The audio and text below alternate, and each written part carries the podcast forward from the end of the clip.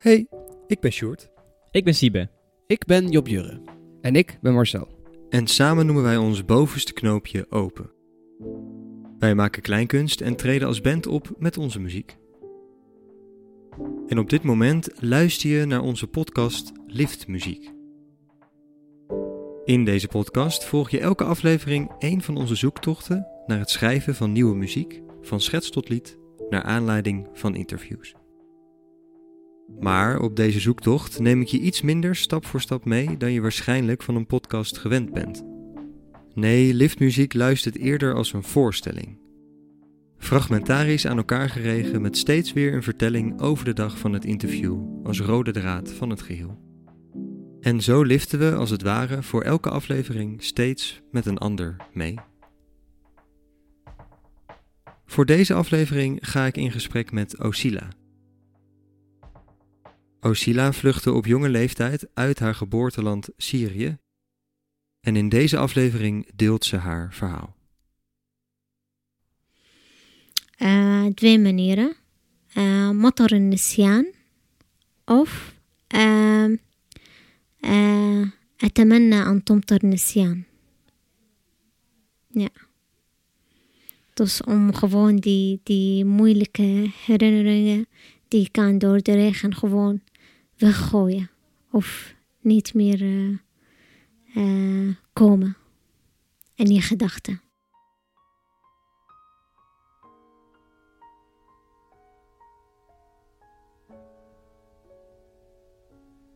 Het is een beklemmend hete namiddag terwijl ik in het naar pis ruikende trappenhuis zwetend de negen verdiepingen terug naar beneden sjok. Het is de zoveelste dag zonder een spatje regen. De lentebloemen staan er uitgedroogd bij. De uitgebluste bomen lijken allemaal te solliciteren voor treurwilg en de vogels trompetteren hun liedjes in slow jazz. Hoewel ik afdaal, blijven mijn gedachten onveranderd daarboven hangen. Ik zie haar nog steeds levendig voor me, hoe ze in het kleine benauwde kamertje tegenover me zat, hoe ze zo openhartig vertelde, hoe ik luisterde en schuchter van de dadels en granaatappelpitjes at. Het was fijn geweest haar weer even te zien, weer dat mooie gebroken Nederlands te horen, haar weer haar bescheiden lach te zien lachen en om ook een naam te geven aan de persoon die zich nu in jouw verbeelding aan het vormen is. Haar naam is Osila.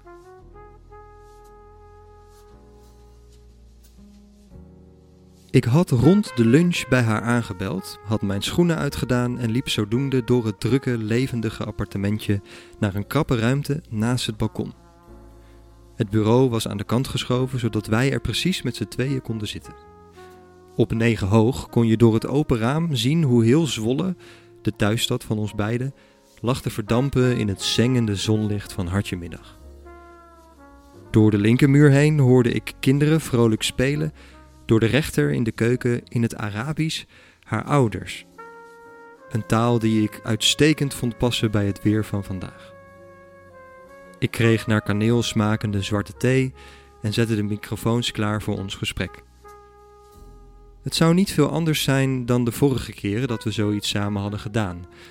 Het grote verschil was dat we nu maar met z'n tweeën waren.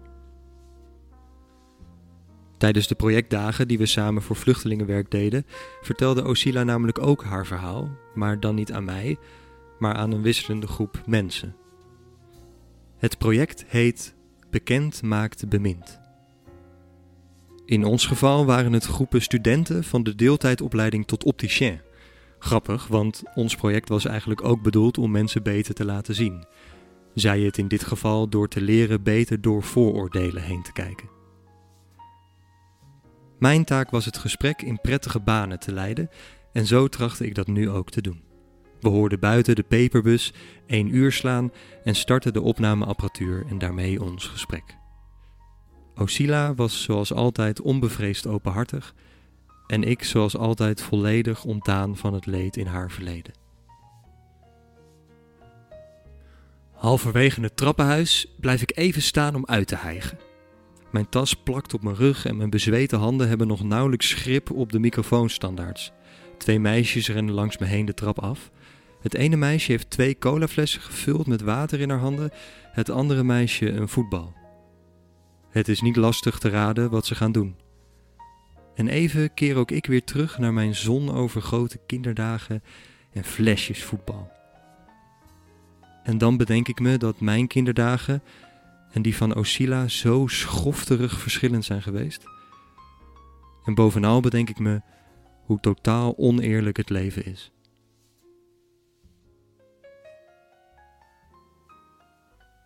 Mm, ja. De heel veel verhalen gehoord. En door de oorlog heb ik heel veel uh, dingen gezien die niet fijn zijn. Uh, ik kon um, ook de laatste anderhalf jaar niet slapen in de nacht. Ik moet altijd uh, voorbereiden zijn. Dus altijd de kleden aan voordat ik ga slapen met mijn hoofddoek. Want we weten niet op, op, op welk moment gaan we vertrekken. Of op welk moment komt wel een verwarrende mensen thuis binnen. Dus we moeten altijd voorbereiden. Vaak in de nacht we hoorden uh, die, die, die echt lastig geluid. En toen ik naar hier gekomen, uh, heb ik dat uh, in de nieuwjaar door vuurwerk, ho iedereen hoort al geluiden. En toen word ik bang en uh, ga ik huilen en zitten. En dan zeg ik ja, gaat hier weer oorlog gebeuren. En ik herinner alles, die alle geluiden. Waar, ja, die door deze geluiden kon ik niet goed slapen. Ja. Dat was echt op een kwade dag. Dat we hebben besloten dat we gaan, want het is niet meer veilig. En we zijn uh, om vijf uur s'nachts vertrokken. Ja, we, we hebben eigenlijk besloten uh, om uh, elf uur, denk ik, of tien uur uh, s'avonds. En de dag daarop zijn om vijf uur s'nachts vertrokken. En wat, wat maakte dat, dat, dat jullie... Het, het was eigenlijk... We hebben bepaalde dingen gehoord dat mensen kunnen niet meer uit Syrië uh, gaan reizen of wordt het moeilijker. En we waren bang wat gaat gebeuren. En mijn oudste broer, uh, uh, het was gevaarlijk voor mijn oudste broer en mijn vader. Ja, door de re, door de president. Oké. Ja.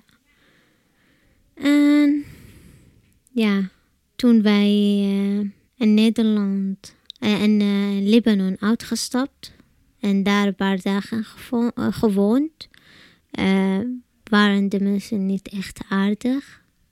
We kunnen niet verder studeren. Het is niet makkelijk.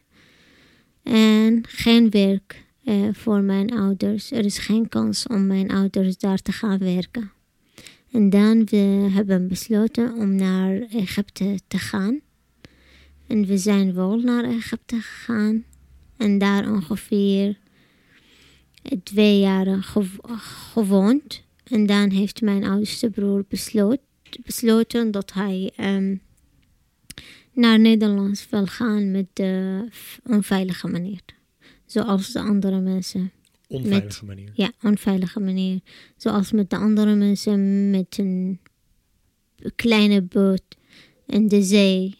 Of ja, heel veel verschillende onveilige manieren. En hij heeft tegen mijn ouders gezegd, letterlijk, in Syrië heb ik geen leven geen uh, toekomst. Uh, en ook in Egypte heb ik niet meer uh, een toekomst. Dus ik ga de laatste kans pakken om te zien wat gaat, wat gaat gebeuren. En in het begin waren mijn ouders tegen, want het is niet veilige manier. En we weten niet als het gaat lukken of niet. Het was 50% gaat lukken en 50% dat hij gaat overleden. En hij wil echt de laatste kans proberen. En hij heeft dat wel gedaan. En ook gelukt. En bij de, hij zat in de, uh, met een kleine boot. Uh, die voor uh, 150 mensen. Maar hij was met een groot aantal mensen van de 300. En ze zaten 12 dagen in de zee. En normaal hij moet na één week in Malta stoppen, in Italië. Uitstappen, uh, uitstappen, sorry, uitstappen. En ja, dan, ja, na een echt gevaarlijke reis, een lange reis, hij is uiteindelijk uh, naar Nederland gekomen. En via hem, we zijn naar hier gekomen als gezin hereniging. Ja. Ja, dat was heeft Hij verteld hoe, heeft hij wel eens verteld over hoe dat zeg maar, was op, op die boot? Uh, niet echt, want het was echt een... hij had uh, wel een uh, lastige reis gehad. En hij wilde niet echt erover hebben. En hij heeft heel veel vers, vers, verschrikkelijk. verschrikkelijke dingen gezien. Ja. Zo. En soms eigenlijk wil ik niet horen hoe het, hoe het gegaan. Want ik hoor van ook van de andere mensen. Het is niet echt een, iets uh, makkelijk of fijn. Liedpogingen, fragment 1. Samen met de vogels. Elke nacht ziet ze hem drijven, midden in de oceaan. elke nacht ziet ze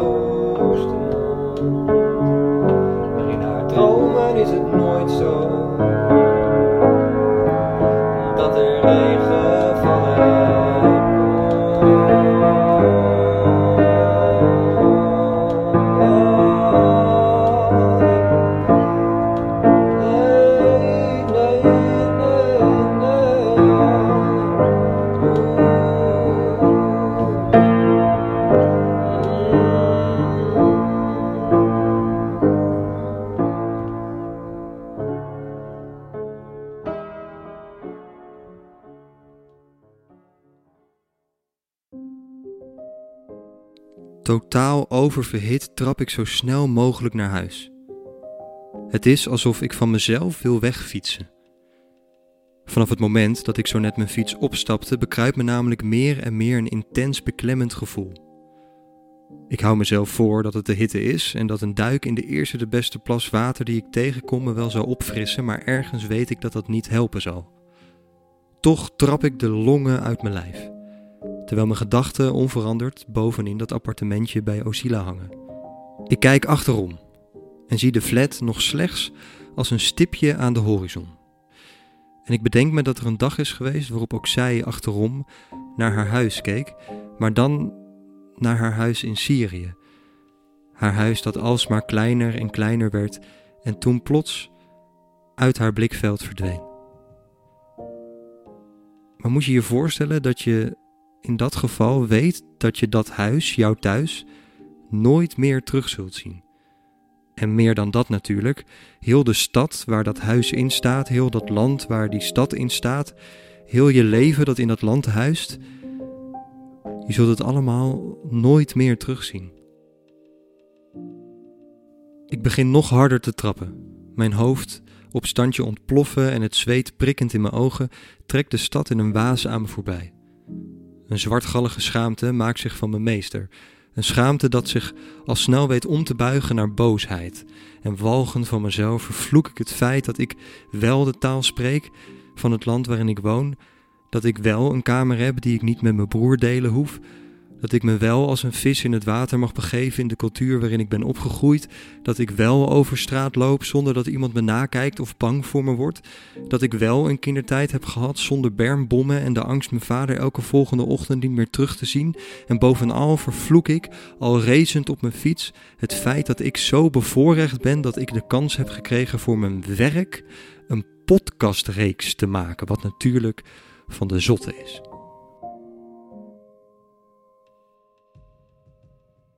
De zon lijkt mijn hoofd tot een rozijn te willen verschrompelen. Voelend dat ik dreig flauw te vallen, stuur ik mijn fiets de berm in. Ik smijt de microfoon standaards op het gras. Mijn fiets ernaast en wil al mijn woede eruit schreeuwen. Ik wil alle beklemming van me afgooien en besluit daarom niet alleen mijn tas af te werpen, maar ook mijn schoenen, sokken, shirt en broek belanden binnen de kortste keren in het dorre, gele gras. En dan plof ook ik neer.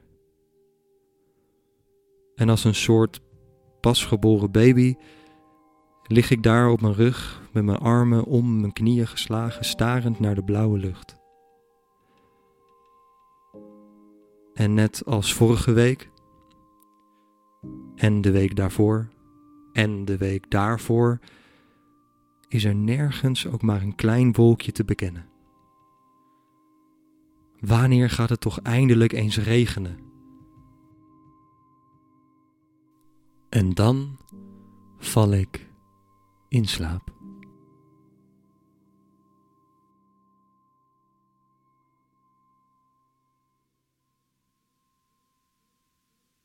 Eenmaal in Nederland voelde ik me als een pasgeboren baby zonder moeder. Ik moest alles, ook alles opnieuw leren. Uh, hoe kan ik praten met andere mensen? Hoe kan ik communiceren? Ja, dus pas geboren baby. Uh, ze, ze krijgen uh, van hun moeder uh, alles. Maar ja, ik voel hier dat ik alles voor mezelf. Moeder, vader, alles. En moet ik verantwoordelijk zijn, zelfstandig zijn, open persoon, directe persoon soms. Een bepaalde situatie. Um, wat nog meer.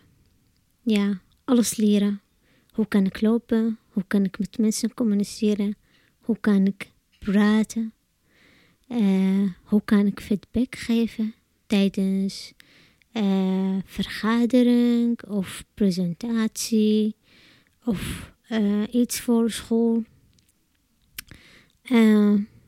ja, hoe kan ik werk zoeken, solliciteren?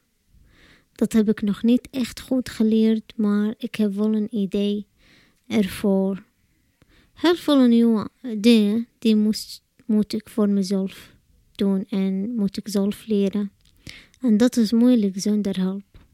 En ook wat ik toen ik naar hier gekomen ben, uh, vind ik raar dat andere mensen denken dat voor economisch, economische dingen we zijn hier gekomen dat je een gelukzoeker bent. Of, ja, of gelukzoeker zijn. Ja, hoe voel je, je daarbij als je zo ja, genoemd wordt? Daarom heb ik besloten dat wil ik echt heel veel dingen uh, delen met andere mensen.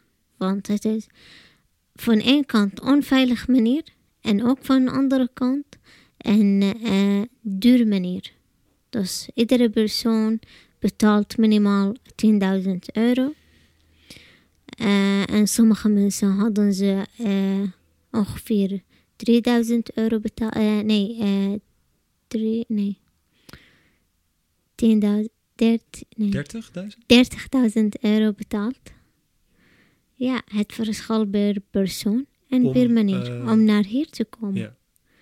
Dus sommige mensen hun, hebben ze, hadden ze betaald alle hun geld ja, dat dat is echt niet, ja, niet iets makkelijk. Van heel veel dingen eigenlijk. En mijn land eh, ook. Er is ook dingen die goed zijn. Maar door de oorlog, het is niet meer zo. Maar ik, ik, kan, ik, kan daar, ik kan daar niet bij. Nee. Maar hoe, hoe voelt het als je dan dat allemaal meemaakt? Wat, wat je zegt ook, je, je, je kindertijd eigenlijk Ja. Eh, niet ik- hebt. En dan kom je hier en dan zijn er mensen die, die zeggen... oh ja, je komt hier alleen maar voor het geld. Ja, dat vind ik eh, heel lastig. Want wat we hadden gezien en meegemaakt, eh de geld nu niet meer belangrijk voor ons. We denken, we, we denken altijd eh, over, eh, we willen altijd veilig wonen. En ja, maar weet zonder geld. Weet ik dat je kan niet zonder geld eh, leven. Maar geld is niet belangrijk. En je kunt misschien heel veel dingen kopen met geld. Maar liefde en gelukkigheid, veiligheid, dat kan je nooit kopen. Ja. En ook kan je niet zomaar krijgen. Niet makkelijk krijgen. Dus ja. Dus misschien wel andere mensen denken dat ja, als ik heel veel geld heb, dan kan ik alles eh, halen. Maar dat is niet zo. Er is heel veel mensen hebben heel veel geld, maar we hebben geen liefde, geen eh, gelukkigheid leven of veiligheid. Ja, de slapen ook niet goed door deze bepaalde dingen. Ja, maar ze hebben ook geld, maar ze slapen ook niet goed. Ja, dus misschien vroeger was wel belangrijk dat mijn ouders waren gewoon bezig om eh, geld verzamelen om voor iedereen een huis te gaan kopen. En bedoel ik voor mij en voor mijn broers en zusje. En ja, eh, om ook te gaan reizen, wat we willen gewoon hebben. Maar na dat, ja, het is niet belangrijk dat wij geld gaan verzamelen of naar een land gaan waar we kunnen geld krijgen. Nee, gewoon belangrijk dat wij bij elkaar blijven. Ja, dat is het. Liedpogingen fragment 2 met de drums op de 5. Hoeveel uren zijn er nodig voordat de tijd vergeet? Vet toch? Ja. Hoeveel van de dagen waar, die lengte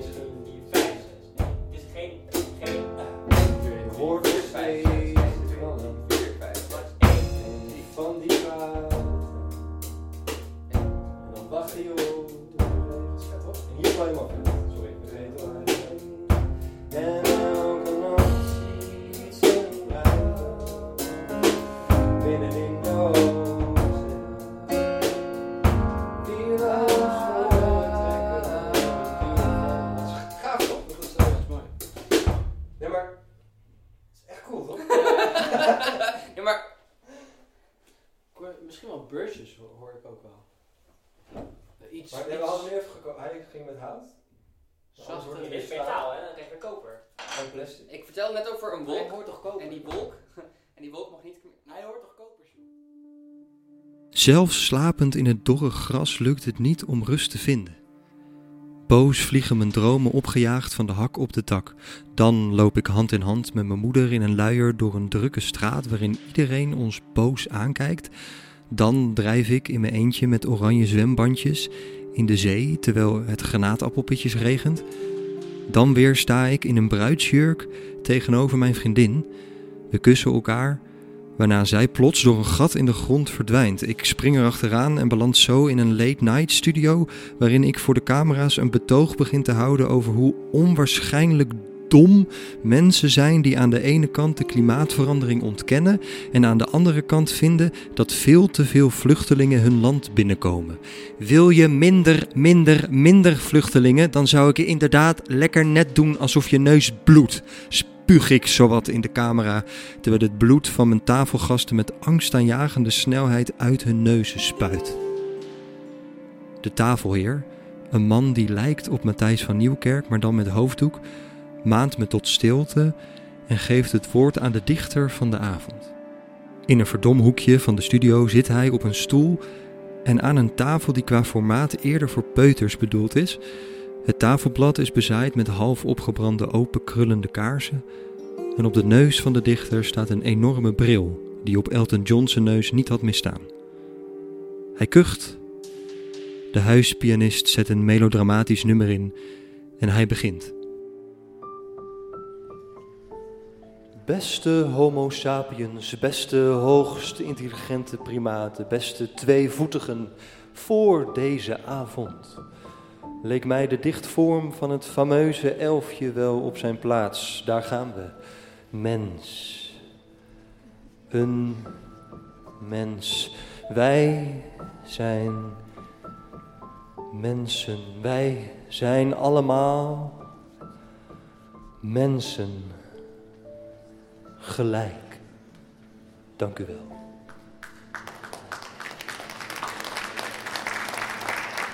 Iedereen in de studio gaat uit zijn dak. Matthijs pinkt een traantje weg en de dichter blaast in één teug al zijn kaarsen uit. Plots word ik door een onzichtbare kracht uit mijn stoel getrokken.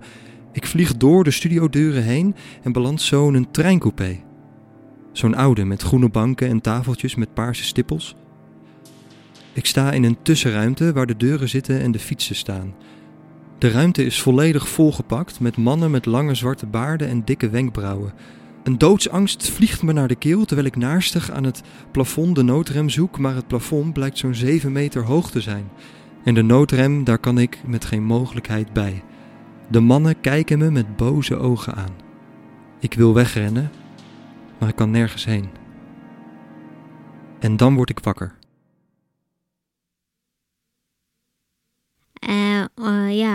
Vriendinnen te maken nog steeds moeilijk. Ja? Ja. Echt heb ik moeite mee. Geen idee. Ik durf niet eigenlijk eh, om bij iemand te komen en gewoon eh, mezelf voorstellen. Ik verwacht dat de mensen bij mij komen en met mij eh, met een praatje beginnen. Ik durf niet dat te doen. Waar ben je dan bang voor? Mm, voor bijvoorbeeld dat ze mij niet accepteren. Ja, misschien door verschillende aantal dingen. Waar ik vandaan kom, dat ik een hoofddoek draag. Ja, verschillende dingen. Voel je die oordelen? En niet alle tijd of niet bij iedereen. Het ligt aan de persoon. Maar wat ik heb gemerkt, verschil met andere landen die eh, in de omgeving van de grens van Nederland, dat de Nederlandse mensen zijn de meeste aardige mensen die ik heb gezien. Ja. Eh, vaak als ik eh, op eh, de straat loop, iedereen ge- geeft een eh, groet hoi of een eh, lachje gezicht. Of, dat vind ik heel eh, leuk. Eh, als ik bijvoorbeeld aan de straat loop en iemand gewoon aan mij kijkt en lacht, dan hij made my day. Hij wat? Hij made my day. Ah, ja. Ja. Ehm, ja, word ik blij van. En dan krijg ik een mooi gevoel.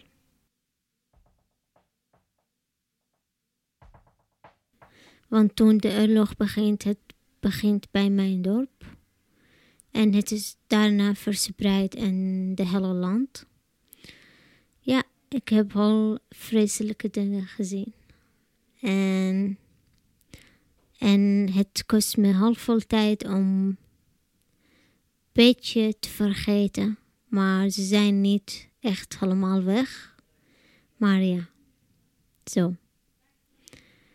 Ja, en nu eigenlijk kijk ik alle uit naar de, eh, ja, naar de obstakels die nog zullen komen.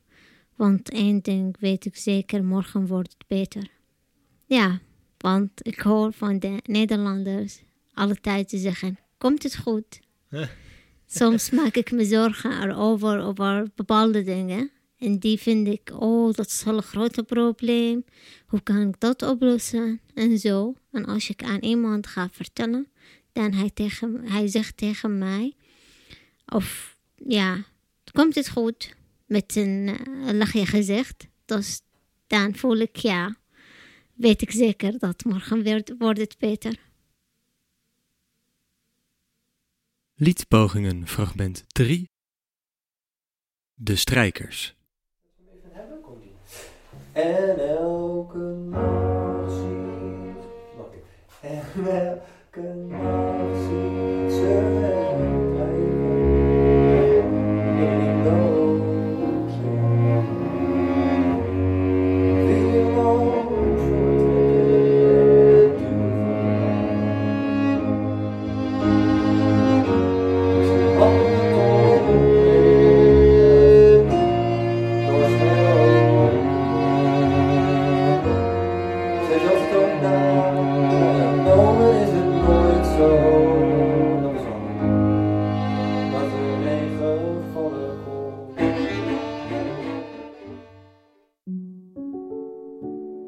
Bezweet ga ik rechtop zitten in het gele dorre gras. Ik kijk naar de lucht. Nog steeds geen wolkje te bekennen. Nog steeds die benauwde, beklemmende hitte. En langzaam herinner ik me wat ik zojuist gedroomd heb. En mijn schaamte bereikt een nieuw dieptepunt. Hoe stom is het dat ik aan de ene kant zo bezig ben met het willen doorbreken van vooroordelen dat ik om die reden voor vluchtelingenwerk gewerkt heb. Dat ik om die reden deze podcast maak, maar terzelfde tijd in de trein soms bang ben om de reis met iemand te delen die er Arabisch uitziet. Hoe fucking stom is dat? Boos en verdoofd staar ik walgend van mezelf voor me uit. Opeens heel erg bewust van dat ik hier bijna naakt in het gras zit. En dan voel ik plots iets nats op mijn neus. Ik kijk omhoog, maar zie nog steeds geen wolkje aan de hemel. Toch voel ik nu ook natte druppels op mijn armen en benen. En al snel voelt het alsof ik totaal doorweekt raak, terwijl er niks van nattigheid valt te zien. Mijn lichaam ziet er nog even kurkdroog uit als zo even. En dan word ik nogmaals wakker. Totaal gedesoriënteerd van mijn droom in een droom, ga ik opnieuw rechtop zitten in het gras, dat net als ik zeiknat is. Ik kijk omhoog en ik begin spontaan te lachen. Nog nooit hebben diepdonkere regenwolken er zo prachtig uitgezien.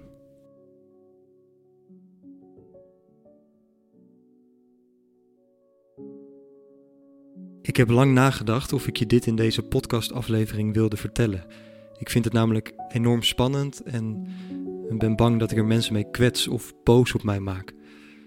Sinds de aanslagen in Brussel en Parijs heb ik nooit meer helemaal lekker in de trein kunnen zitten. En ik weet, ik weet hoeveel slagen debiel dat is en hoe ontzettend discriminerend mijn angst is, maar ik wil het toch hier graag met je delen, omdat ik denk dat ik niet de enige ben die discriminerende gedachten heeft. Gedachten die je zonder jouw toestemming in je opkomen en waar je het compleet oneens mee bent, maar die je alle moeite ten spijt niet bij voorbaat al kan bannen. Je kunt ze slechts nadat je ze al bedacht hebt de rug toekeren. En waarschijnlijk ben ik ook niet de enige die bij gevolg zichzelf door zijn eigen discriminerende gedachten bang maakt voor de ander. De kunst is denk ik om je er bewust van te worden en te herinneren dat dat mens dat tegenover je zit of dat mens waarover je leest, is zoals jij. Bekend maakt bemind. Daarom maak ik vaak even een praatje met iemand waar ik mezelf bang voor maak. Dan heb je al snel door hoe uitermate dom je angsten zijn en hoe uitermate verwerpelijk je vooroordelen.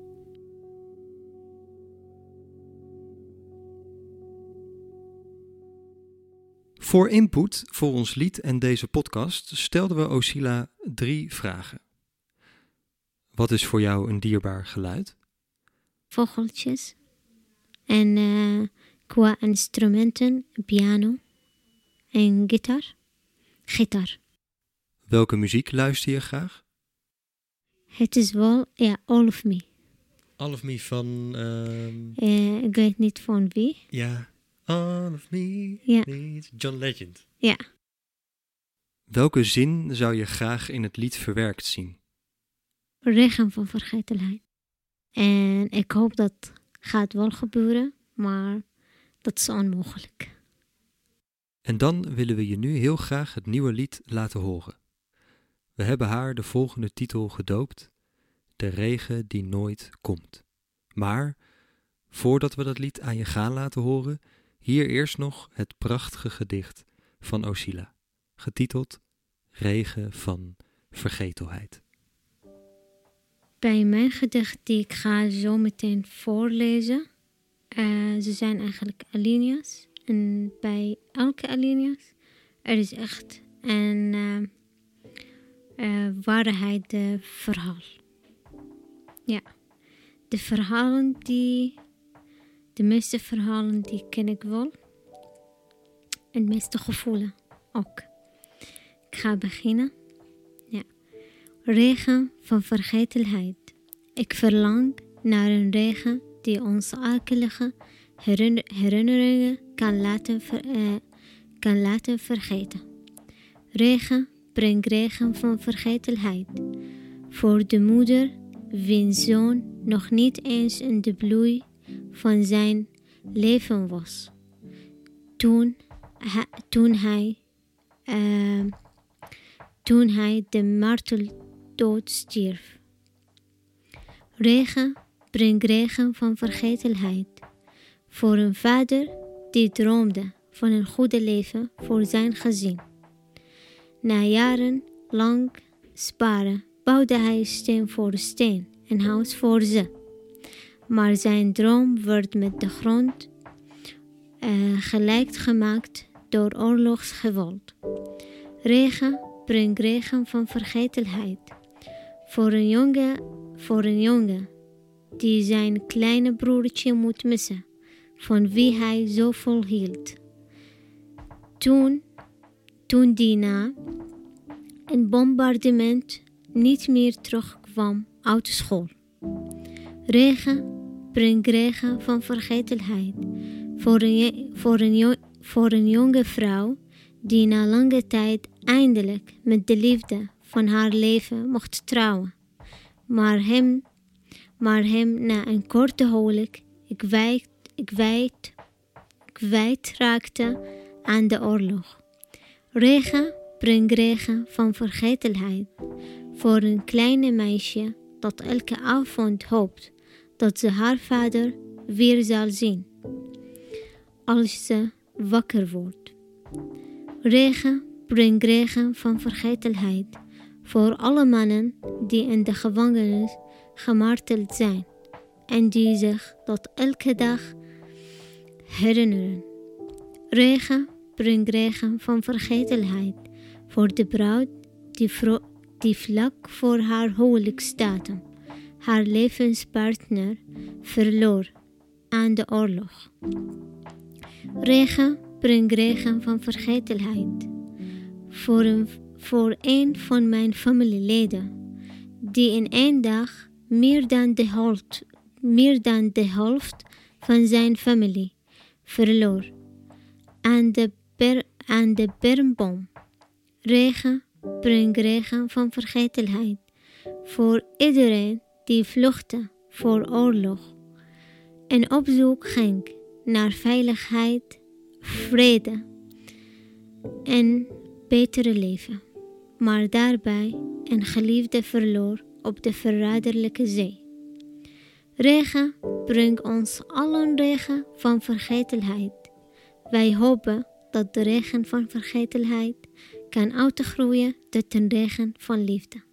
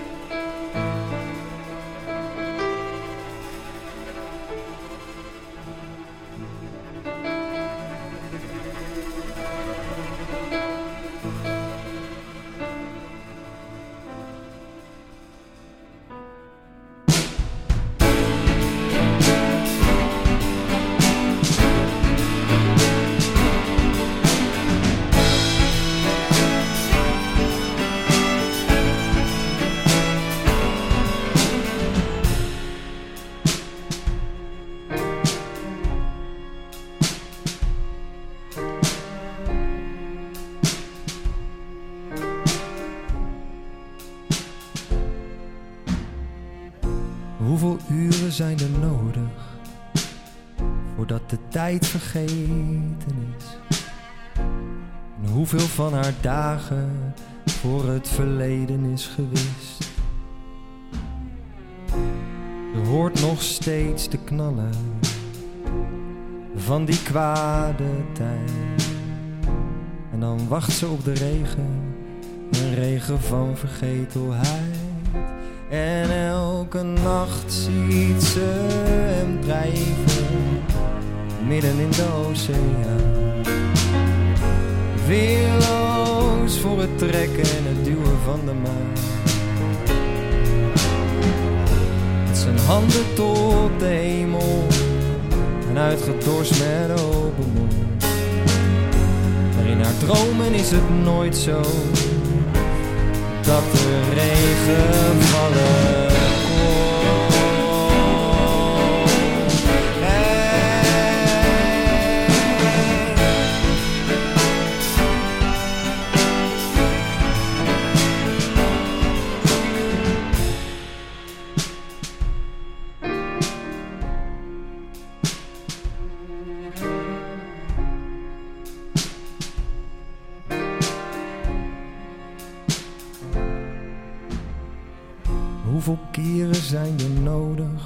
voordat men haar ziet voor wie ze is? En hoeveel vriendelijke stemmen voor ze haar thuisland niet meer mist? Maar de liefde zal haar sussen, die als de regen is vermomd. De regen zal haar zachtjes kussen. De regen die nooit komt en elke nacht ziet ze hem drijven midden in de oceaan. Weerloos voor het trekken en het duwen van de maan. Met zijn handen tot de hemel en uitgedorst met open mond. En zo smacht hij om de regen de regen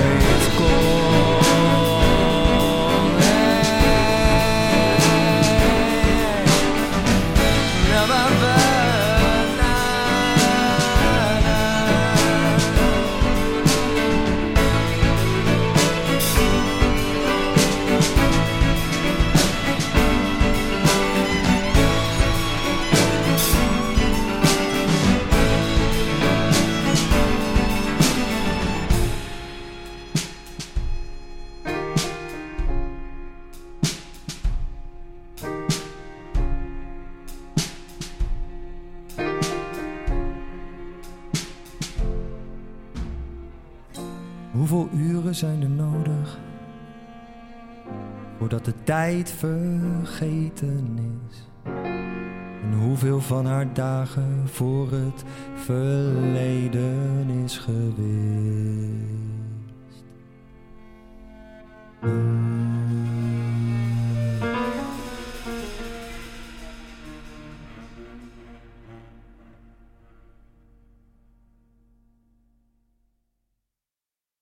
Liftmuziek is gemaakt door mij, Sjoerd van Kapelleveen en Siebe de Vries. Het uiteindelijke lied maakten we samen met de rest van ons gezelschap, Job Jurre Huiskamp en Marcel Kouwenhoven. Mocht je het gemaakte lied los willen luisteren, check dan onze Spotify of andere streamingsdiensten. En smaakt deze podcast je naar meer? Dan heb ik goed nieuws, want we spelen liftmuziek als kleinkunstvoorstelling in theaters bij jou in de buurt. Check onze website bovenste-open.nl voor de speellijst. Liftmuziek is mogelijk gemaakt door de werkplaats van Zwolse Theaters. Met coaching van Leander Zimmerman, Laura Minderhout, Michiel Bijmans en Reinoud van der Linden en hulp van Wim Eikelboom. De illustratie voor deze podcast is gemaakt door Micha Huigen.